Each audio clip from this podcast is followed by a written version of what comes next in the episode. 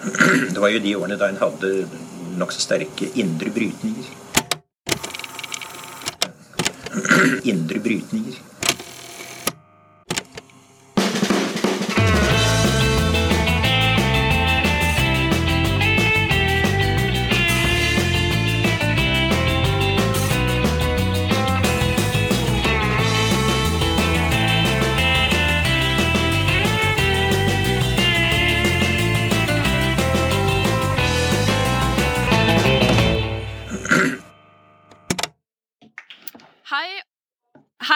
Velkommen til eh, Noen har snakket sammen. Vi er en podkast fra Agenda Magasin. Mitt navn er Tiril Rustan Halvorsen. Og jeg heter Aksel Fjelldavli. Vi spiller inn en episode hver uke eh, om alt fra strømkrise til amerikansk politikk til likelønn og voldskriminalitet. Eh, men i dag så spiller vi inn live her på Kulturhuset i Oslo, og vi er veldig glad for å se så mange av dere på ordentlig. Det er eh, 8. mars, og på en dag som dette så gir temaet seg selv, og det er likestilling. Og det er jo mange måter å markere 8. mars. Det er en eh, kampdag, det er en eh, festdag. Eh, Og Norge er jo et av verdens mest likestilte land, men også her så står kjønn i veien for å leve frie liv og ha eh, like muligheter. Eh, Og alle kvinner har nok opplevd kjønn som begrensende. Noen av og til, noen ofte, andre hele tida. Eh, og i den neste halvtimen så skal vi eh, snakke litt mer om det er noen grupper av kvinner som vi har snakka for lite om. Og vi har med oss et eminent eh, panel i dag. Vi har, som kan komme opp på scenen nå, det er LOs leder Peggy Hessen Følsvik, eh, likestillingsminister Anette Trettebergstuen og VG-kommentator Shazia Majid. Velkommen.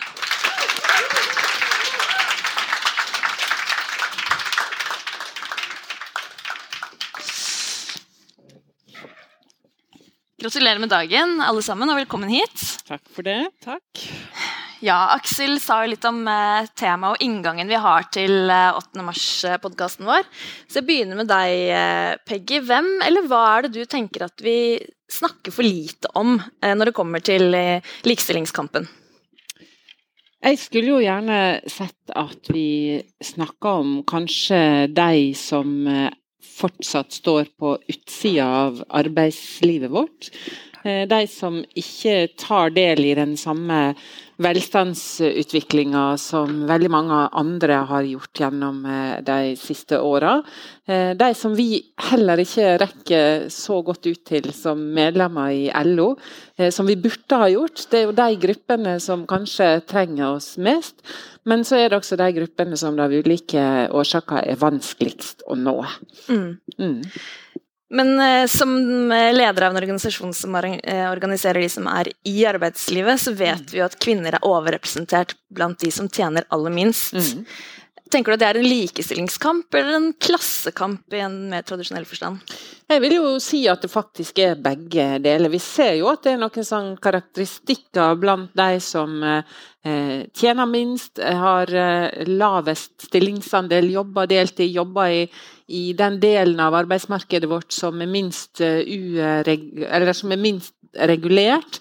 eh, Der vi har de største utfordringene gjerne i forhold til arbeidslivskriminalitet.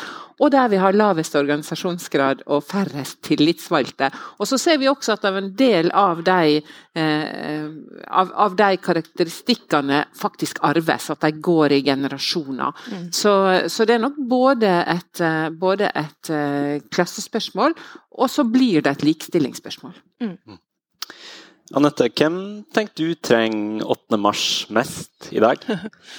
Oi, alle trenger jo 8. mars, enten du er kvinne eller mann eller ikke-binær eller ja, hvem du nå enn er. Eh, men hvis jeg skal Hvis du tenker på hvem som på en måte vi ikke snakker så mye om, da.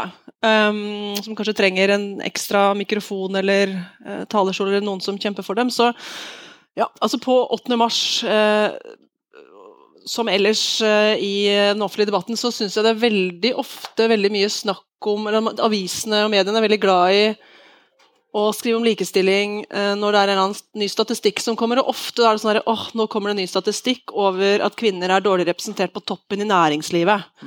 Så snakker man veldig mye om det der glasstaket som gjør at egentlig fra før ganske privilegerte damer da, eh, som tjener godt og som er ganske høyt oppi det, ikke når helt til topps i næringslivet. Og Det er selvfølgelig en kjempestrukt, en strukturell utfordring.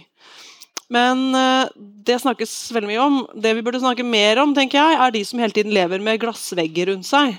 Um, usynlige uh, barrierer som gjør at de ikke får delta på fellesskapsarenaene som vi andre, veldig mange av oss, tar for gitt. Enten det er å ja, gå på puben, gå på fritidsklubben, eh, delta i gymmen, eh, møte gutter, eller f.eks. det å jobbe. De som blir utsatt for negativ sosial kontroll, eh, som har veldig få statistikker, veldig få talerør, blir snakka veldig lite om, da, men det er en kjempelikestillingsutfordring. Og så er det jo, tenkte på når Peggy snakka også, det med i arbeidslivet. det et godt bilde på det er jo kanskje også metoo-kampanjen, egentlig, som jo var en revolusjon som endra veldig mye for alltid, men som egentlig bare skrapte i overflata av hva problemet med eh, seksuell trakassering og trakassering i samfunnet er. Og det handler da veldig mye om altså, kultur, eh, kulturarbeidere, eh, skuespillere osv. Så, videre. så forplanta det seg heldigvis ned i andre yrkesgrupper. Men så ble det stille. Og så vet vi også, bl.a. fordi at fagbevegelsen gjør forskning på det og har tall, at i det kvinnedominerte arbeidslivet der det er, som er prega av lav organisasjonsgrad, det er lav lønn så, så, og, og, ubekvem arbeidstid osv. Uh, hotell, restaurant, pleie og omsorg, renhold. Der er det å gå på jobb og oppleve liksom, tafsing, trusler eller til og med vold nesten en del av hverdagen for mange. Mm. Vi eh, snakker jo ofte om at når, når ei krise treffer, så forsterkes en del av de forskjellene som er eh, i et samfunn. Jeg merka meg et eh, oppslag du hadde i 2020 eh, i forbindelse med koronapandemien, der du sa at vi måtte passe oss for at koronakrisa ikke skulle bli en kvinnekrise. Mm. Og særlig i begynnelsen av pandemien så, så man jo at det var mange kvinner og kvinnedominerte yrker som ble spesielt hardt ramma. Eh, smitteverntiltakene handler jo mye om å begrense sosial kontakt, som jo også kjennetegner en del av disse yrkene og bransjene. Eh, tenkte du vi har klart å verne om disse kvinnene og de gruppene som ble, eh, ble hardt ramma? Nei, absolutt ikke. Og du har rett i det at det var veldig mange av, altså, eh, av de som først måtte gå hjem fra jobb, altså de som ja, lever av å møte folk da, på, på, ulike måter, som ble først permittert og ble først gående ledig. Det var veldig mange damer. Og det statistikken over Eh, permitterte var jo veldig mange damer på starten. Eh, i starten der. Eh, I tillegg så var det jo også damene som måtte gå på jobb, som aldri før, for å holde hjula i gang. I pleie og omsorg og stå i kassa på butikken og drive med renhold. Utsette, utsette seg sjøl for, for, fare og smitte og jobbe ekstra hardt for, holde, for, at vi andre skulle være trygge. Så det var dobbelt opp kvinnene som ble dobbelt opp ramma, måtte jobbe ekstra mye og, og måtte gå hjem fra jobb. Men vi vet jo også det, fordi at vi heldigvis har folk som forsker på det på Likestillingssenteren, at da Norge stengte ned i mars 2019, eh, så, og vi, mange av oss måtte gå hjem, eh, og andre måtte på jobb, som aldri før, så forsterka de tradisjonelle kjønnsrollemønstrene seg veldig. Det vet og det har vi tall på i hjemmet. Um, men i tillegg så har, jo, har jo pandemien hatt store, alvorlige konsekvenser uh, når det kommer til eh, vold og overgrep, æresrelatert vold. Vi vet at antall henvendelser om eh, negativ sosial kontroll har økt drastisk. Så pandemien har hatt store negative kvinnekonsekvenser, vil jeg si. Hmm. Shazia, du skal få samme spørsmål. Hvem er det du tenker at uh, trenger 8. mars mest i år? Hele landet. Nei, altså eh, bare, det, er, det, er, to ting jeg husker veldig godt fra 2021. Det er uh, debatten om kvinnenes uh, markedsverdi. og så er det faktisk uh, den ganske ferske voldtektsdommen. Um, og, har, og det er to, det er, for meg så er det noen illusjoner om den norske kvinnens posisjon som har gått i knas. Mm. Um, fordi at jeg klarte ikke helt å Jeg har alltid sett veldig opp til Selvfølgelig, fordi at vi er vanvittig privilegerte i dette landet. Og når du startet med å si at vi, i Norge er en av verdens mest likestilte land, og det er vi, men samtidig så er det en fotlenke, fordi at når vi hele tiden blir fortalt det, så er det sånn at de som opplever avvik, de som opplever overgrep eller å bli undertrykket eller forskjellsbehandlet, de, to, de tror at de er alene om det. Mm. Fordi at vi er verdensmestere. Eh, så det gjør rommet ganske trangt, egentlig, tross alt. da. Men tilbake til spørsmålet ditt. Gruppen eh, som trenger det mest, aller, aller mest, er innvandrerkvinnene. Det mener jeg virkelig. Og én ting er uh, selvfølgelig negativ sosial kontroll, men for meg så handler det om å få innvandrerkvinner ut i lønnet arbeid. Uh, det er, har vært min hjertesak i hvert fall siden 2019. Før det var det selvfølgelig negativ sosial kontroll, men jeg vet at den eneste veien vi kan uh, forhindre negativ sosial kontroll, eller å gi alle andre friheter, så må de først bli økonomisk uavhengige. Det er der alle kvinnefrihetene starter. Mm. Du har også nylig skrevet om den dramatiske økningen av anmeldte partnervoldssaker, som Anette også var innom, eh, som rammer kvinner i aller eh, størst grad føler du på en måte at vi har sviktet disse under pandemien? At vi har ikke gjort, ikke gjort nok for å hindre denne økningen som vi har uh, sett?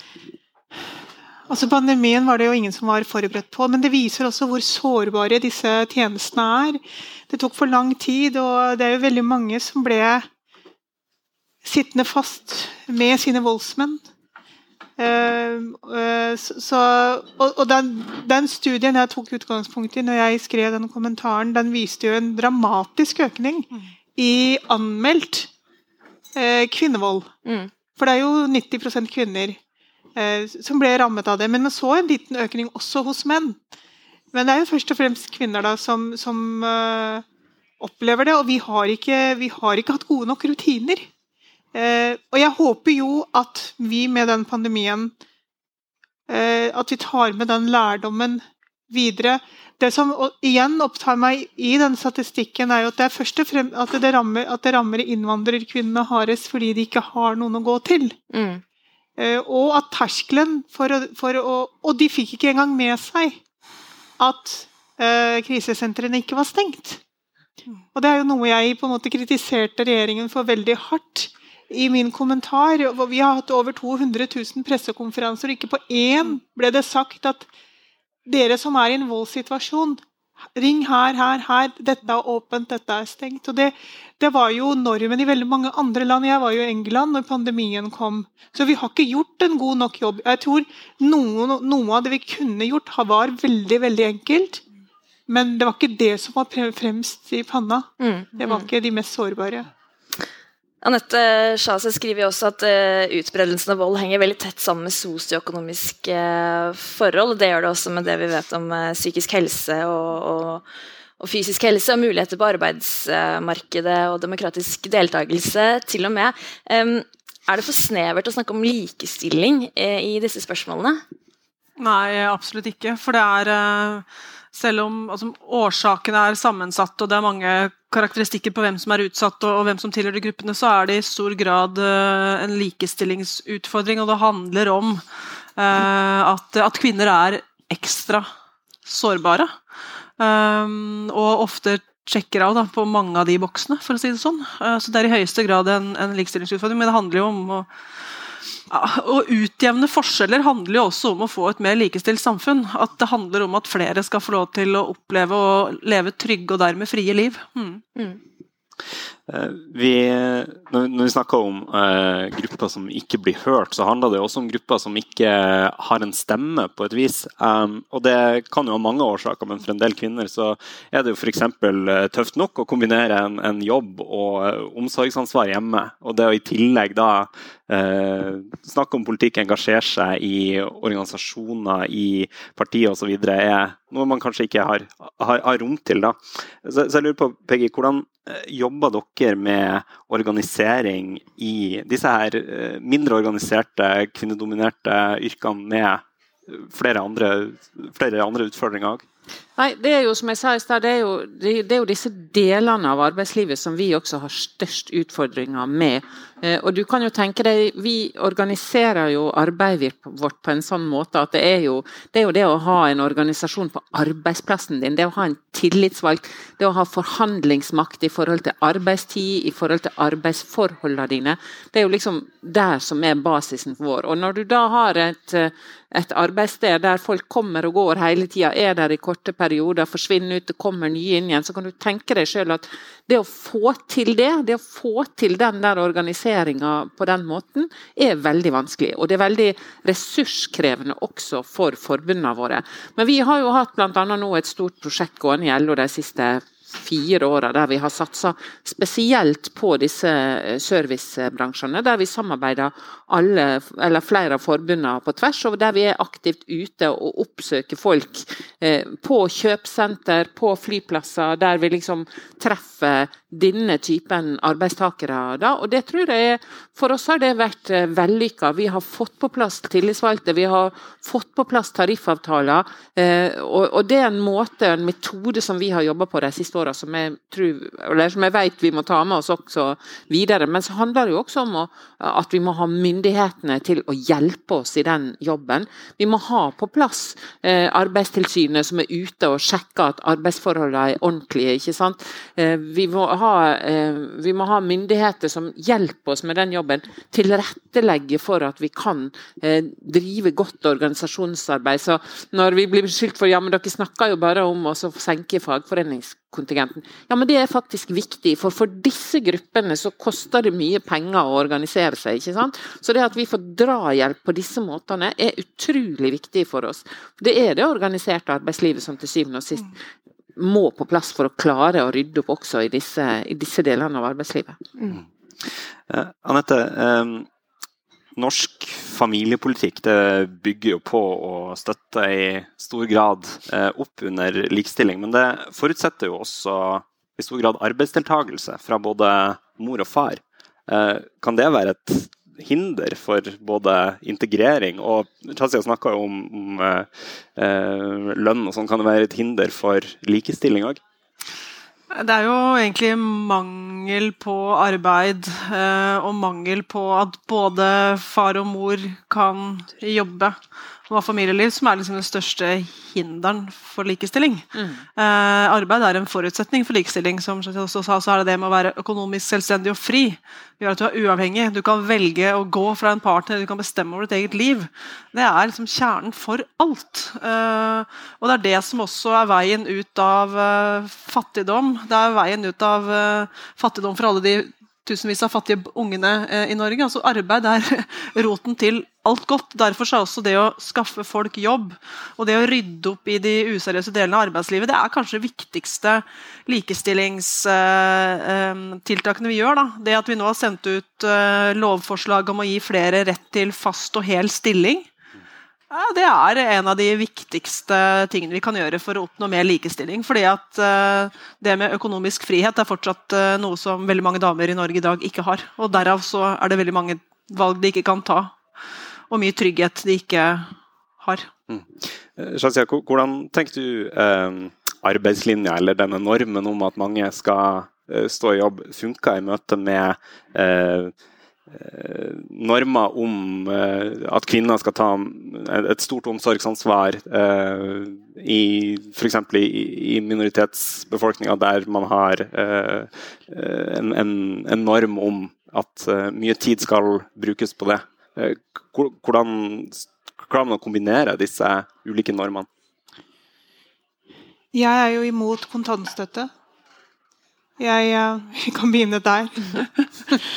Um, jeg ser at uh, det er veldig mange som gjerne vil ha det, men det er ikke bra for innvandrerkvinnene. Det, det vi ser, og det forskningen har vist her, i hvert fall sånn og Døtrene av pakistanere, altså de som nå får barn Forskningen viser jo at de tar høyere utdannelse, kommer seg ut i jobb, men når de får barn, så forsvinner de ut av arbeidslivet, og så er det veldig vanskelig å komme tilbake igjen.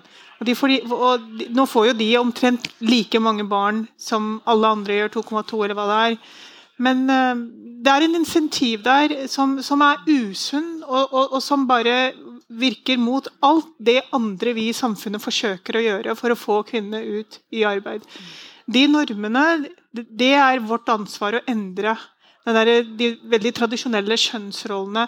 Det er klart at det er en veldig dragkamp mellom eh, miljøer og menn som vil ha underdanige, tradisjonelle koner, og koner som derfor må ut i jobb.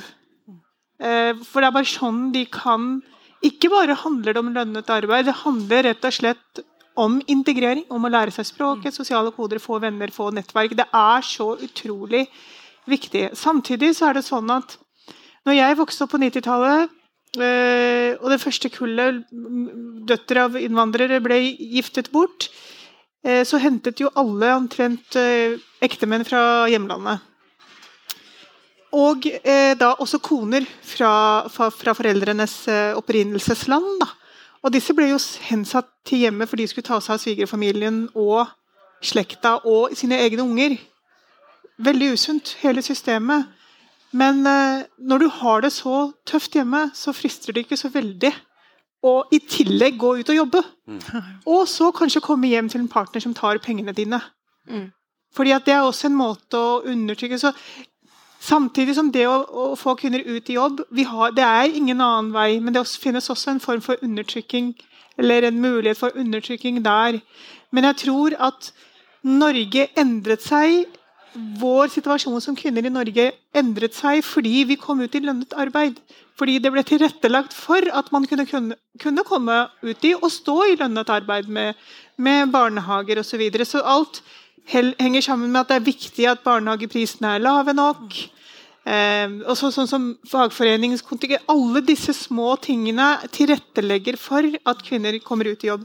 Og så En siste ting jeg vil si som er kjempeviktig, er jo at vi kan sende innvandrerkvinner ut på språkkurs og på praksisplasser og hit og dit, men de må faktisk få seg en jobb. Mm. Og her er jo det en stor utfordring. Mm um, ute i det privat sektor og offentlig sektor om å, om å, gi disse kvinnene en mulighet. Mm. Bare kort, er det, er det, blitt enklere også i minoritetsmiljøer, det er stor forskjell på de også, å snakke om likestilling de siste årene? Har det blitt enklere eller vanskeligere? Det, jeg, nei, det har ikke blitt vanskeligere. Jeg tror nei? det har blitt enklere. Det er en helt annen dynamikk, og det er så mange flere stemmer. Så eh, det går fremover, virkelig. Mm, så bra. Um, vi har jo snakket nå om en del som ikke At vi ikke har kommet i mål med en del ting. Så da lurer jeg på hva, hva tenker du, Peggy, er på en måte de kanskje to viktigste barrierene da, eh, for disse kvinnene, og også for eh, kampen for å få de høyere opp på likestillingsstigen? Jeg tror jo det er viktig også det her med å vise fram eh, rollemodellene. Eh, jeg er jo enig i at vi har utfordringer. Vi har jo snakka om det mange ganger i organisasjonen hos oss at eh, vi må ha et spesielt fokus på det å få også eh, eh, folk med annen etnisk bakgrunn, og kanskje spesielt eh, innvandrerkvinner, inn i organisasjonen hos oss. Og så blir det sånn av og til at vi faktisk glemmer å, å faktisk løfte fram de gode eksemplene som vi har da, av dyktige tillitsvalgte ute. Enten det er Uba fra NTL som holdt appell på Youngstorget i dag, eller det er Fåsia i Bergen som er leder for LO Bergen, ikke sant? eller om det er Rosina som er, er klubbleder på Gardermoen, og som har stått på som en helt for medlemmene sine nå gjennom denne pandemien. ikke sant? Og som virkelig viser fram at det går an, og at de kan også være gode rollemodeller. Jeg tror vi av og til har litt lett for også å tegne et bilde som ikke bestandig er helt eh, sant. Da. Mm. Så jeg tror vi må ha to tanker i hodet samtidig. Vi må både vise fram de gode eksemplene som vi har, og så må vi ha et ekstra øye for at vi faktisk er til stede på de eh, arenaene der vi, der vi, trenger de som treff, som, der vi treffer de som trenger oss mest. Mm. Mm.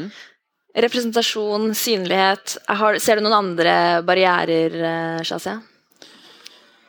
Uh, språk, arbeid Jeg gjentar meg selv. Men det er, det er fortsatt uh, mange barrierer. For vi må huske på at vi får nye innvandrerkvinner til Norge hver eneste dag.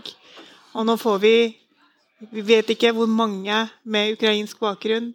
Og alle kvinner er ressurssterke kvinner. Jeg eh, liker ikke den offerforestillingen. Det er et enormt potensial, og utfordringen vår er å faktisk se det potensialet og utnytte det, for vi har enorme mengder ubenyttet eh, arbeidskraft i Norge. Mm. Det er vel din jobb Anette, å bygge ned disse barrierene? ja, det er vår jobb i regjeringa. Og heldigvis så har vi begynt. Nå har vi sittet i 100 og snart 40 dager, og vi er faktisk godt i gang med å ta tak i disse tingene. Og det er ikke én quick fix på noe av det her, men hvis vi liksom er enige om at det å komme i arbeid og bli økonomisk selvstendig er liksom roten til alt godt, at det starter der, så er vi i gang med det. Og det handler om å gjøre de typiske kvinneyrkene Ehm, rydde opp eh, i de typiske kvinneyrkene. Eh, det med å gi folk eh, økte muligheter til fast og hel stilling. Ta tak i en, og gjøre, ta en stor rengjøring når det kommer til sosial dumping og seksuell trakassering og det uvesenet som, som, er veldig omfattende i det kvinnedominerte delen av arbeidslivet. Vi må svekke de barrierene, eller hindre, ta bort de barrierene som i dag Eller ta bort de insentivene som i dag holder damene hjemme. Uh, og så er vi nødt til å, å, sørge for å stille opp med mer jobbtrening og kompetanse. Og så er det en ting til som, og så er det det grunnleggende eh, likestillingsarbeidet som vi er nødt til å føre hele tiden. Um, som, som, dreier seg om mange, på mange ulike samfunnsområder. Som, en annen ting som jeg også mener at vi er nødt til å, å snakke om, er den altså Vi må vi må ruste opp den kampen mot eh, rasisme og diskriminering. For det er også en barriere eh, som hindrer noen i å få lov til å delta, også i arbeidslivet. Mm. Så vi må føre denne kampen på veldig, veldig mange områder, og vi er godt i gang. Vi pleier å avslutte hver podkastepisode med å anbefale noe, men denne gangen har vi bedt dere finne en anbefaling som har preget dere i deres eh, likestillings- og 8. mars-liv. Kan vi begynne med deg, Peggy? Ja, altså jeg har jo alltid, når jeg liksom skulle ha eh, kjent etter inspirasjon, hørt på Eurythmics og, og Sisters Are Doing It For Themselves. Men så fikk jeg en annen favoritt her for bare noen få år siden. Da kom Ane Brun med en, eh, med en eh, sang som heter You Lit My Fire, som har en helt fantastisk video også til den musikken, så den bare anbefaler jeg alle som, som har lyst til å få litt inspirasjon, gå inn og se på den. Altså. Det er notert, takk. Shazia, har du en? Hva slags anbefaling skulle det være? Jeg leste ikke helt ned på den. Ja, jeg har hatt covid. Fikk ikke den mailen du heller, nei? Ja, du har lest en bok eller sett en film eller ah, ja. et eller annet som kan eh, bidra til å inspirere? Det er lett å svare på. Ja, bra. um, ikke en bok, men en kvinne som har uh, inspirert meg veldig. Og det, det, er en klisjé, men for meg så har det betydd så enormt mye, og det er Camilla Collett. Jeg skriver mye om henne i boka. Um, rett og slett fordi at hun har vist meg at våre historier, uansett hvordan vi ser ut, og hvor mange pigmenter vi har, så er de ganske universelle, faktisk. Det er ikke så lenge siden eh, etnisk norske kvinner sto der eh, min mamma sto for eh, 50 år siden. Mm. Så henne, og så liker jeg selvfølgelig alt Maya Angelo noen gang har sagt. Hun har vært en stor inspirasjon i mitt arbeid. Anette, da får du æren av å avslutte denne ja, Da er det jo mange ting man kunne valgt, både innenfor musikk og bilder og litteratur og kultur. Men jeg tror nesten at jeg i dag vil si at hvis dere ikke har lest den, og hvis dere ikke har gjort det, så er dere teite, men dere må lese den, og det er boka til Hadia Tajik som heter eh, 'Frihet'. Ja. Den må dere lese. Tusen eh, takk, og tusen takk til alle dere som kom. Vi håper at dere vil eh, fortsette å høre på podkasten og abonnere på oss. Tusen takk for i kveld, og kos dere videre.